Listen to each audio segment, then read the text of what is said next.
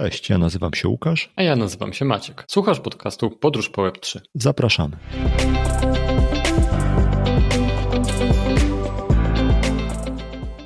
Dzień dobry Maćku. Cześć Łukaszu. Cześć. Dzisiaj w odcinku postanowiliśmy wziąć sobie na tapet jeden konkretny projekt i co ważne, ja o tym projekcie nie wiem prawie nic.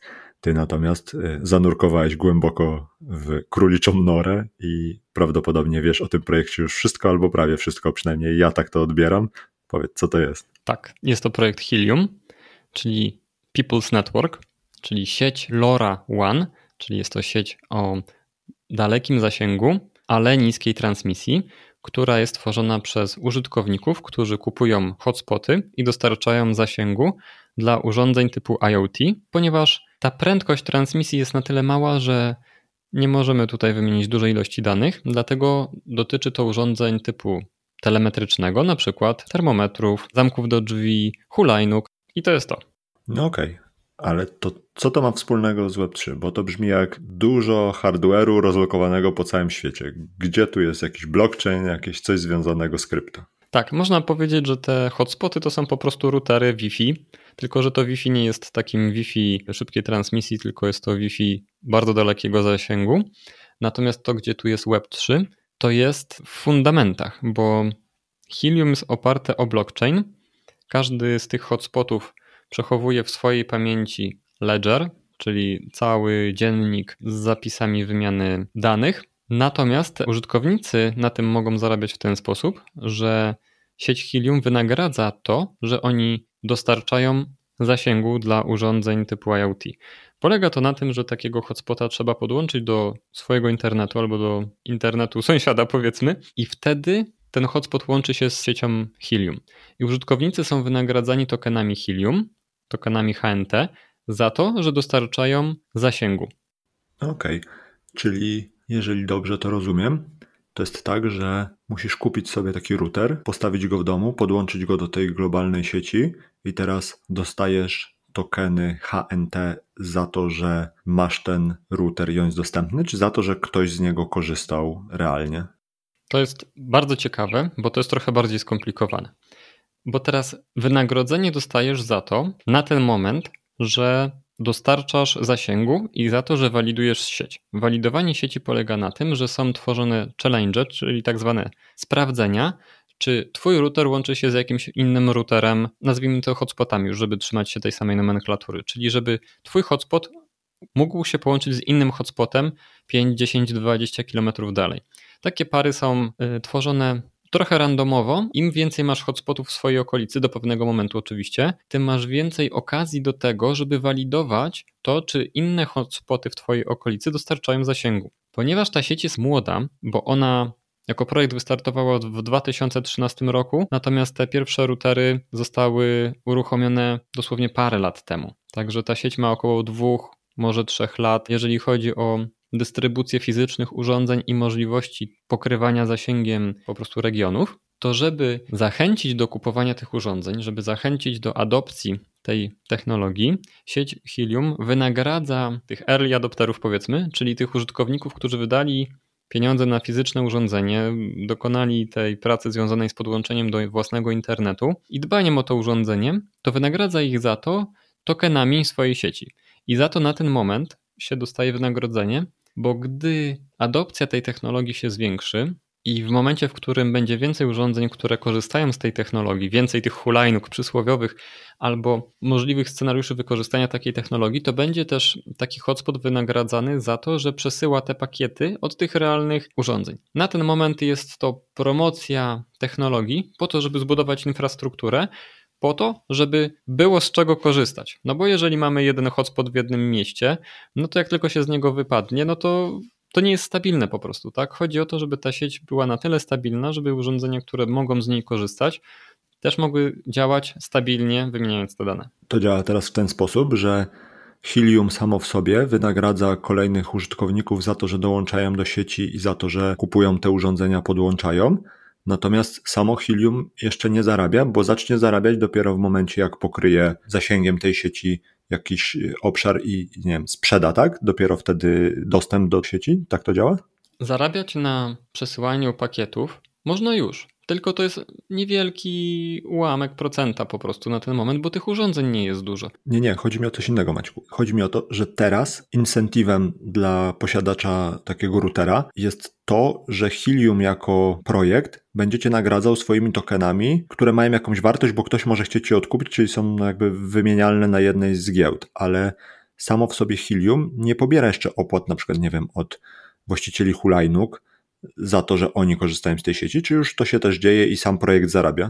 Tak, to się też dzieje. Ten projekt też już zarabia na siebie, tylko tak jak powiedziałem, w stosunku do wynagrodzenia za dostarczanie dowodów pokrycia zasięgiem, te wynagrodzenia za rzeczywiste wykorzystanie sieci w komercyjnym rozwiązaniu są proporcjonalnie bardzo niewielkie. To też zależy od regionu. Jeżeli mamy region, w którym jest ta technologia bardziej zaawansowana, bo jest więcej urządzeń korzystających z tej technologii, to te hotspoty zarobią trochę więcej pieniędzy z uwagi na to, że te urządzenia tam są. Jeżeli mamy obszar, w którym nie ma ani jednego urządzenia, bo nikt komercyjnie go nie kupił, wtedy tylko dostajesz wynagrodzenie za to, że dostarczasz tego zasięgu. Okej. Okay. A jaki jest endgame całego tego projektu? Pokryć Ziemię w całości zasięgiem i o to chodzi? Tak jest.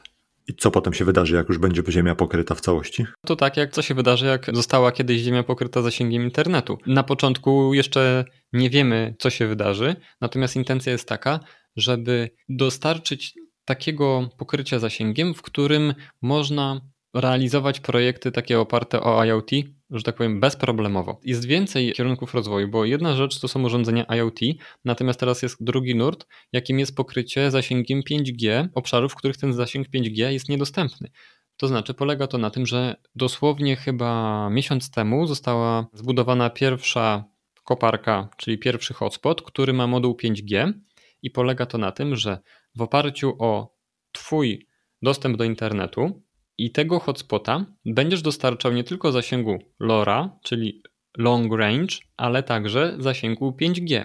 I będziesz mógł być takim BTS-em dla technologii 5G. Nie zbadałem jeszcze tak gruntownie tego tematu, więc nie jestem pewien, czy to 5G będzie miało taką prędkość, że tak powiem, pełną. Natomiast idea stojąca za tym, żeby dostarczać zasięgu 5G jest taka, że 5G jest technologią, która jest bardzo krótkozasięgowa.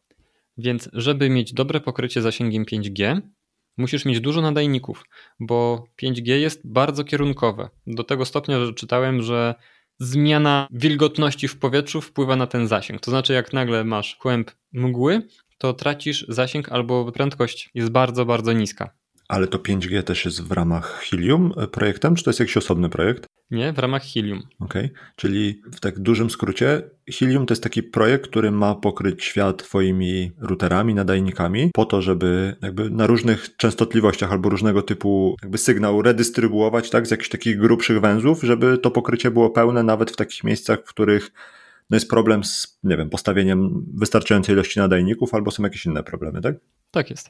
Jak to działa od strony takiego użytkownika Helium? Co ty musisz zrobić, żeby, załóżmy, że tak jak ty zakochałeś się w tym projekcie y, i co teraz musisz zrobić, jakie kroki wykonać, żeby zacząć wiem, uczestniczyć, partycypować w tym wszystkim? Jasne. Przede wszystkim musisz mieć hotspot. Musisz kupić ten hotspot, który jest routerem z dużą anteną, taką powiedzmy półmetrową anteną. W zależności od regionu te anteny wyglądają troszeczkę inaczej. Natomiast problemem jest to, żeby zdobyć tego hotspota. Dlatego, że mamy chip shortage. To gdzie to się kupuje? Panie, w internecie. Natomiast problem jest taki, że nie ma tych hotspotów dostępnych i hotspoty sprzedają się w ciągu paru minut od tak zwanego dropa. I teraz są dwie metody zakupu hotspota. Jeden ze scenariuszy to jest taki, że zapisujesz się na preorder. W tym momencie jedna z takich wiodących firm produkująca te hotspoty, Bobcat, ma lead time 20 do 28 tygodni. I jeżeli chcesz kupić w preorderze, kupujesz tego hotspota, co więcej płacisz tokenami, na przykład za pomocą dolarów USDC przez Coinbase'a. Producent Bobcata puszcza, że tak powiem, oczko do społeczności, która może kupić tego Bobcata tylko za pomocą kryptowaluty. I to jest pierwsza wersja. Druga wersja polega na tym, że producent robi dropa. Zapowiada, kiedy ten drop będzie o danej godzinie. Wchodzisz na stronę i próbujesz kupić. Taki drop miał miejsce dzisiaj. Co się stało, Maćku? Udało ci się kupić? No właśnie nic się nie stało. Nie udało się kupić, bo człowiek pierwszy raz brał udział w takim dropie. i okazuje się, że zakup urządzenia w 3 minuty jest dużo za długim czasem, żeby kupić urządzenie, bo już tych urządzeń nie było. Czyli co, chciałeś kupić urządzenie, czas do finalizowania zajął ci 3 minuty i już ich nie było? Dokładnie tak. Czyli za wolno klikałeś? Za wolno klikałem i zastanawiałem się jeszcze, a zmyliło mnie to, że w momencie, kiedy dodałem do koszyka urządzenie, które chciałem kupić, przeszedłem dalej, to miałem tak zwaną kolejkę użytkowników, którzy mogą wejść dalej do procesu checkout. Domyśliłem się, to znaczy dokonałem pewnego założenia, że skoro czekam w kolejce z moimi towarami, żeby dokonać y, zakupu w kasie, to te urządzenia są zarezerwowane. I to było błędne założenie, więc pomyślałem, że skoro czekam w kolejce, to mi tych urządzeń nikt nie zabierze i nie muszę się śpieszyć. I okazało się, że to założenie jest błędne, bo jak wypełniłem dane adresowe i chciałem przejść do płatności, to okazało się, że mój koszyk jest pusty, bo everything is sold out. Dlatego byłem bardzo rozczarowany, bo już witałem się z gąską, już y, chciałem instalować te hotspoty. Okazało się, że jest to niemożliwe. Muszę czekać albo na kolejnego dropa, albo zapisać się do preorderu na 5 miesięcy do przodu.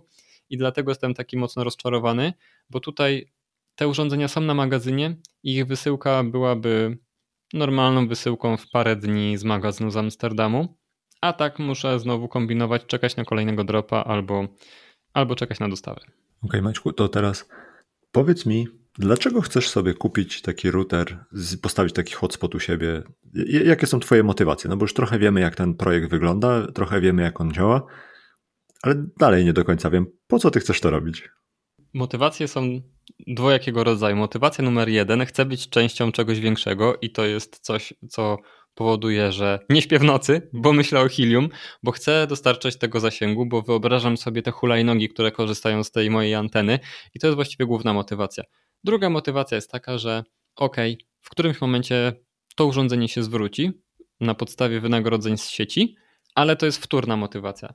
Zawsze miałem takie ciągoty do tego, żeby coś budować i pomyślałem sobie, że jak będę miał dwa lub więcej nadajników, to będę miał trochę taki kawałek własnej sieci i już myślę, gdzie ja te nadajniki zainstaluję. Mam dostęp do trzech dachów, bo najlepiej to instalować jak najwyżej z tak zwaną czystą linią widoku, tak zwaną line of sight. Nie wiem, trudno mi to przetłumaczyć na polski, no bo te fale radiowe one rozchodzą się w linii prostej, oczywiście zawijają za budynkami trochę, ale mimo wszystko w tej technologii chodzi o to, żeby nie było zakłóceń, nie było przeszkód. I teraz jeżeli ja mam dostęp do trzech dachów, to liczę na to, że mój zasięg będzie lepszy niż od osób, które mają antenę postawioną w oknie albo w ogóle w pokoju, tak jak zwykły router to chciałbym ja pójść krok dalej, czyli kupić dobrej jakości anteny z włókna szklanego, żeby mieć jak najlepszy zasięg tej sieci. Próbowałeś robić jakieś takie kalkulacje, które pokażą, czy to ma szansę się zwrócić? No bo rozumiem tą motywację związaną z chęcią uczestnictwa w czymś większym i służeniu ludzkości, a, a jak to finansowo by się y, mogło spiąć? To też jest bardzo dobre pytanie dla osób, które by chciały podejść do Helium czysto inwestycyjnie.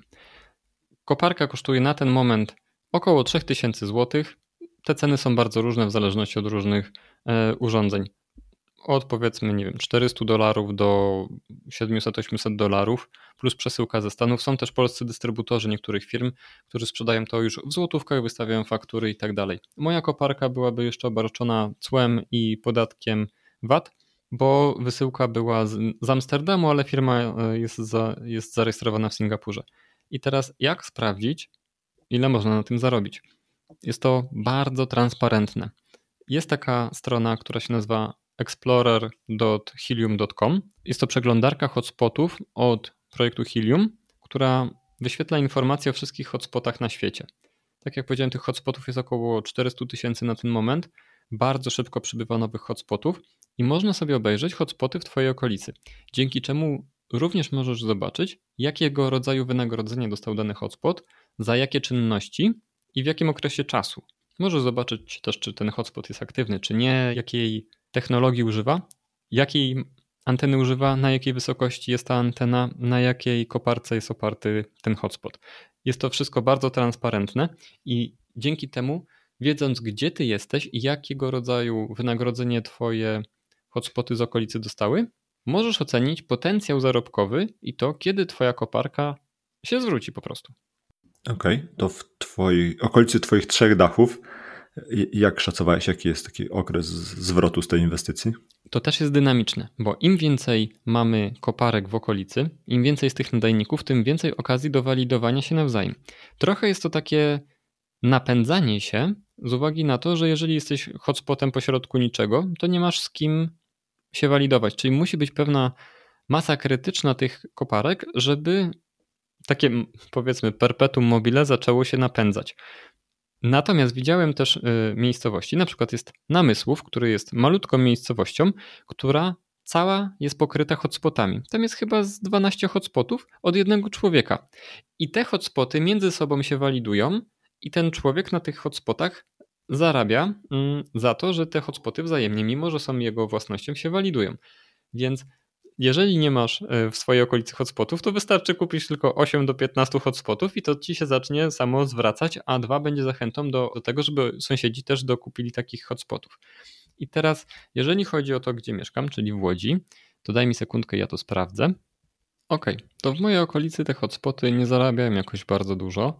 W ostatnich trzech dniach jest to na przykład na jednym hotspocie, który tutaj widzę w okolicy, to jest 30 dolarów. Na innym hotspocie jest to około też 30 dolarów. Natomiast w bardziej zagęszczonej okolicy z dużą ilością bloków jest to 200 dolarów. Czyli w ciągu miesiąca praktycznie połowa koparki takiemu górnikowi się zwróciła. I teraz w tym miejscu, w którym jest większe zagęszczenie, czyli to jest takie duże osiedle bloków z wielkiej płyty, jest dużo tych koparek. To też jest o tyle istotne, że mieszkańcy bloków mają lepszy zasięg, bo wyżej są położeni. Czyli tylko inne bloki mogą im przesłaniać ten zasięg. Natomiast jeżeli taki blok jest skrajnym blokiem, za którym jest już niższa zabudowa, no to to jest marzenie po prostu. Na przykład w Warszawie jest dużo wieżowców takich biurowych albo mm, apartamentowców. Jeżeli ktoś sobie tam na balkonie wystawi taką antenę, i jeszcze kupi lepszej jakości taką antenę, no to on ma kilkadziesiąt kilometrów zasięgu. To znaczy może nawiązywać połączenia z hotspotami oddalonymi o kilkadziesiąt kilometrów. Jest to naprawdę bardzo dobra lokalizacja, która pozwala na zwrot takiej koparki w ciągu powiedzmy maksymalnie dwóch miesięcy. No okej, okay, ale to działa w taki sposób, że powinno wszystkim zależeć, żeby te koparki, routery były jak najgęściej, bo wynagradzane jest odbijanie się na najbliższych routerach, czy na sąsiednich routerach, tak? Ale jeżeli świat pokryje się siecią, albo przynajmniej okolica, w której jesteś pokryje się siecią, to zakładam, że wtedy będzie zmiana tego modelu. To znaczy, że już projekt, czy cała ta organizacja, która ten projekt stworzyła, nie będzie wynagradzać tylko za sam fakt bycia, tylko wtedy zmieni się sposób wynagradzania i wtedy będzie wynagradzanie na podstawie tego, co im się udało sprzedać i pewnie będzie redystrybucja pieniędzy od klientów, których Helium pozyskał, tak? Tak. Bo trzeba zwrócić jeszcze uwagę na to, że podaż helium jest ograniczona. To znaczy, w każdym roku jest ograniczona ilość tokenów helium, które zostaną stworzone, czyli wymintowane. I co pewien okres czasu ta roczna podaż helium się dzieli na dwa. Tak? To znaczy jest tak zwany halving, czyli zmniejszenie podaży. Kiedy helium startowało, było to 5 milionów tokenów helium miesięcznie. Czyli Każdego miesiąca 5 milionów tokenów było generowanych. Wiadomo, że jeżeli było mało tych koparek, to nagroda per koparka była bardzo wysoka. Early adopterzy byli bardzo, powiedzmy, wysoko wynagradzani, bo było ich mało, a podaż była duża. Natomiast też cena samego tokenu była bardzo niska, bo ona była poniżej 1 dolara, to były jakieś centy na początku, na starcie projektu. Więc to, że masz token, to jeszcze nie oznaczało, że wtedy ten token był wiele wart. Natomiast wraz z tym, jak ten projekt dojrzewał, i jak e, jego adopcja rosła, cena tokena wzrastała. Na ten moment, czyli na powiedzmy koniec roku 2021, cena jednego tokena to jest około 28 dolarów. Mamy teraz bez C, natomiast szczyt to jest około 55 dolarów za token. Czyli od jakiegoś dolara, gdy projekt startował, all time high jest 55 dolarów. I teraz trzeba zwrócić uwagę właśnie na tę podaż, bo co dwa lata jest tak zwany halving, czyli podział puli generowanych tokenów miesięcznie na dwa. Z 5 milionów na 2,5 miliona na 1 250 tysięcy. Ta podaż jest coraz mniejsza, co powinno wywoływać wzrost ceny samego tokenu, tak? Czyli cena razy podaż powinna mniej więcej być albo taka sama, albo wyższa, z uwagi na to, że można coraz więcej rzeczy zrobić na tej sieci. Także ekonomika, tak zwana tokenomia tego projektu jest taka, że trzeba zwrócić uwagę na to, jakich mamy sąsiadów, czy ci sąsiedzi działają, pracują, jest ich dużo, czy nie jest za gęsto, bo tych hotspotów nie powinno się instalować gęściej niż co 200-300 metrów, no bo to jest jednak long range, tak? Czyli to nie chodzi o to, żeby każdy mieszkaniec w bloku miał swojego hotspota, tylko żeby pokrywać zasięgiem coraz większą powierzchnię. Drugi element, który trzeba wziąć pod uwagę, to właśnie podaż tokenów w korelacji z liczbą nowych hotspotów, bo lawinowo rośnie liczba nowych hotspotów, przez okres kilku miesięcy to było około 100 tysięcy nowych hotspotów na świecie. I o ile mamy lokację, która jest jeszcze w miarę młoda i to my możemy kolonizować dany rejon, oczywiście jeżeli mamy dostęp do dobrych lokacji, ale od czego są krewni i znajomi e, z balkonami w blokach. Także to jest bardzo ciekawe, żeby wykorzystać swoich znajomych do tego, żeby im zainstalować takiego hotspota za jakieś dobre winko na przykład. To e, trzeba wziąć pod uwagę właśnie że nasze wynagrodzenie będzie raczej spadało z uwagi na dwa aspekty. Numer jeden to jest mniejsza podaż tokenów co dwa lata oraz zwiększająca się liczba hotspotów, które będą rywalizowały z nami o wynagrodzenie. Z drugiej strony, bez tych hotspotów nie da się zarabiać, no bo nie ma co walidować. Dlatego jest to dosyć y, złożony proces. Oraz trzecia rzecz, którą trzeba wziąć pod uwagę, jest to rosnąca cena samego tokenu. Okej, okay. a czytałeś albo szukałeś jakichś takich, nie wiem, roadmap, czy jakichś takich planów, jak ten projekt ma się rozwijać, jakie są kolejne kroki? No bo trochę to brzmi jak wszystko będzie dobrze i z grubsza wszystko będzie działać, pod warunkiem, że uda się wyprodukować wystarczającą liczbę routerów, hotspotów, ale jakoś nie widzę tutaj zależności pomiędzy podażą tych hotspotów, a ilością tokenów. No bo powiedziałeś, że halving jest co dwa lata, będzie coraz mniej tych tokenów, ale jeżeli nie naprodukują tych routerów, to co wtedy dalej będzie ten halving tak funkcjonował? Widzę tutaj jakieś luki albo czegoś nie rozumiem. Ale to czego nie rozumiesz? Bo ja nie rozumiem pytania w tym momencie. Nie rozumiem, jak to jest skoordynowane. W sensie, czy to jest tak, że generowanie tych tokenów i sam model wynagradzania przez jakąś organizację, która generuje ten token HNT, on jest jakoś skorelowany z tym, że producenci produkują te urządzenia, czy to jakby jedno dzieje się obok drugiego? No bo samo Helium jako Helium nie produkuje tych urządzeń, tak? To są jacyś zewnętrzni producenci. Tak, co więcej, ten projekt jest open source'owy, więc ty też też możesz sobie zbudować własną koparkę i dostarczać zasięgu. Nie będziesz za to wynagradzany, bo trzeba byłoby przejść przez certyfikację, mieć akceptację społeczności, helium i tak dalej, żeby koparka była wynagradzana. Tak? Chodzi o to, żeby nie było wolnej amerykanki, tylko żeby był pewnego rodzaju standard. Natomiast w pierwszym okresie helium to była jedyna metoda, żeby zbudować hotspot, czyli zbudować na Raspberry Pi swoją własną koparkę z własną anteną. Wszystko zbudowałeś, wiesz, samemu w oparciu o open source hardware. W tym momencie te koparki są wystandaryzowane. Każda koparka praktycznie zarabia tak samo. Kwestia jest taka, żeby mieć dobrą antenę dobrej jakości, dobrą lokalizację. Koparki czy mają 2, 1, 4 czy 8 GB nie jest to zbyt istotne. To wpływa na przykład na pobór mocy. Dlatego, że co jest ciekawe, każda z tych koparek przechowuje w pamięci swój własny ledger, czyli ten dziennik określający, jaka była historia wymiany danych pomiędzy koparkami. Odpowiadając na Twoje pytanie o roadmapę, to co powiedziałem jest o tyle ciekawe, że to implikuje, że każda z tych koparek przechowuje ledger, co oznacza, że to są tak zwane ciężkie unity. Natomiast na roadmapie pojawił się tak zwany light hotspot, który będzie tylko oparty o przesył danych dalej. Nie będzie przechowywał kopii całego ledgera, nie będzie węzłem sieci, tylko będzie tak zwaną końcówką sieci. I to jest na przykład jeden z elementów, który jest na roadmapie, a który pozwoli zmniejszyć cenę za hotspot z 400 do 100 dolarów mniej więcej. Okej. Okay. A czy znalazłeś gdzieś albo próbowałeś zapoznać się z głosami jakichś krytyków albo gorących przeciwników y, Helium jako projektu?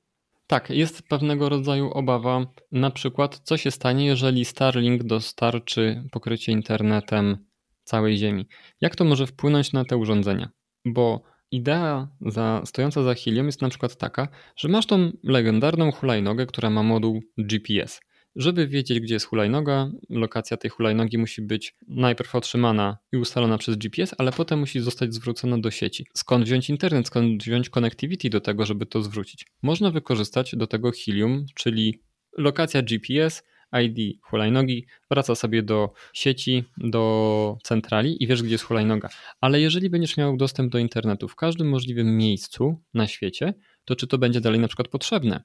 Jaka będzie bariera wejścia takiej firmy, która dostarcza hulajnóg do tego, żeby każda hulajnoga miała dostęp do internetu? Możliwe, że to zabije tę sieć.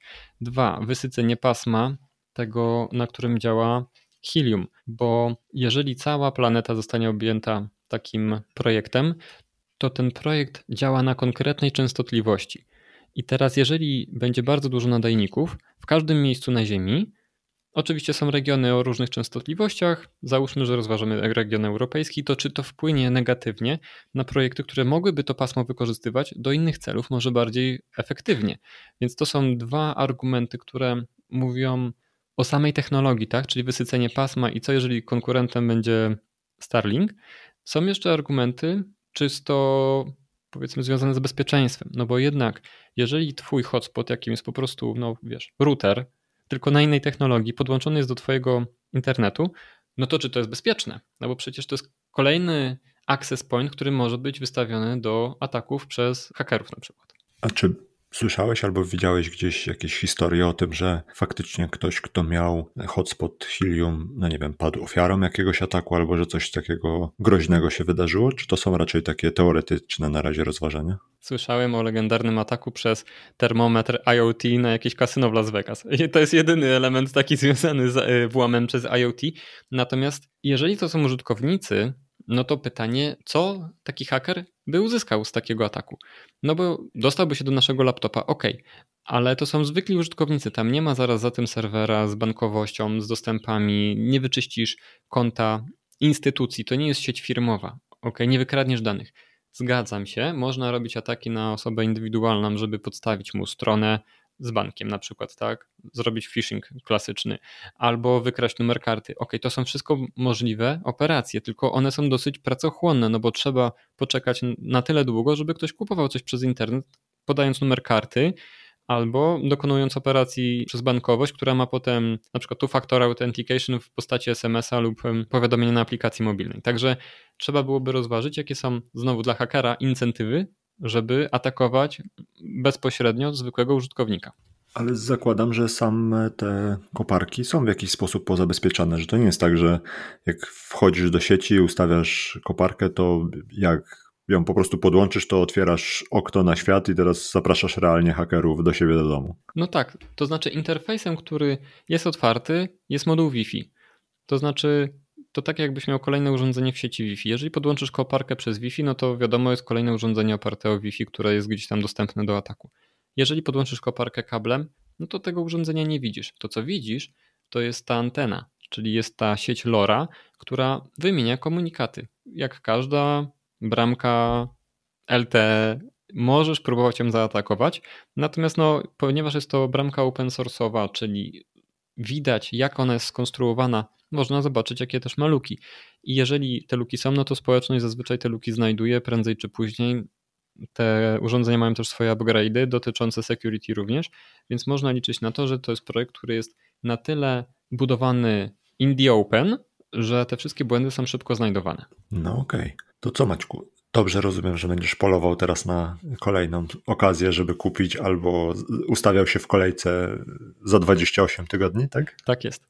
Zapisałem się już do grupy e, entuzjastów Helium na Facebooku, gdzie będę liczył na to, że będzie więcej informacji o dropach, bo szukając miejsca, w którym mogę kupić tą koparkę, zapisałem się na kilka newsletterów z powiadomieniami o możliwej dostępności i tak się zdarzyło, że około tygodnia po moich zapisach pierwszy drop miał miejsce, na który nie zdążyłem niestety, bo za wolno klikałem, ale nauczyłem się z tego bardzo dużo, to znaczy klikaj i nie przestawaj, aż nie kupisz. Natomiast teraz będę musiał trochę znowu poszukać możliwych okazji do zakupu. No okej, okay, to co? Chyba zrobimy w takim razie powtórkę z rozrywki, jak już uda ci się kupić i będziesz szczęśliwym lub nieszczęśliwym użytkownikiem przez kilka tygodni i wtedy wrócimy do tematu i opowiesz nie tylko teoretycznie, ale też z doświadczenia, jak to wszystko działa, jak to odbierasz i jak to wszystko poszło, tak? Tak jest. No dobra, to dzięki wielkie w takim razie i do usłyszenia następnym razem. Dzięki, trzymaj się. Dzięki za wysłuchanie kolejnego odcinka podcastu Podróż po Web 3. Żeby nie przegapić kolejnych odcinków, pamiętaj, żeby zasubskrybować ten podcast w swojej aplikacji do podcastów. Wejdź również na www.ppw3.pl i zapisz się do newslettera. Otrzymasz dzięki temu powiadomienie o każdym nowym odcinku oraz dodatkowe materiały. Dzięki i do usłyszenia. Cześć.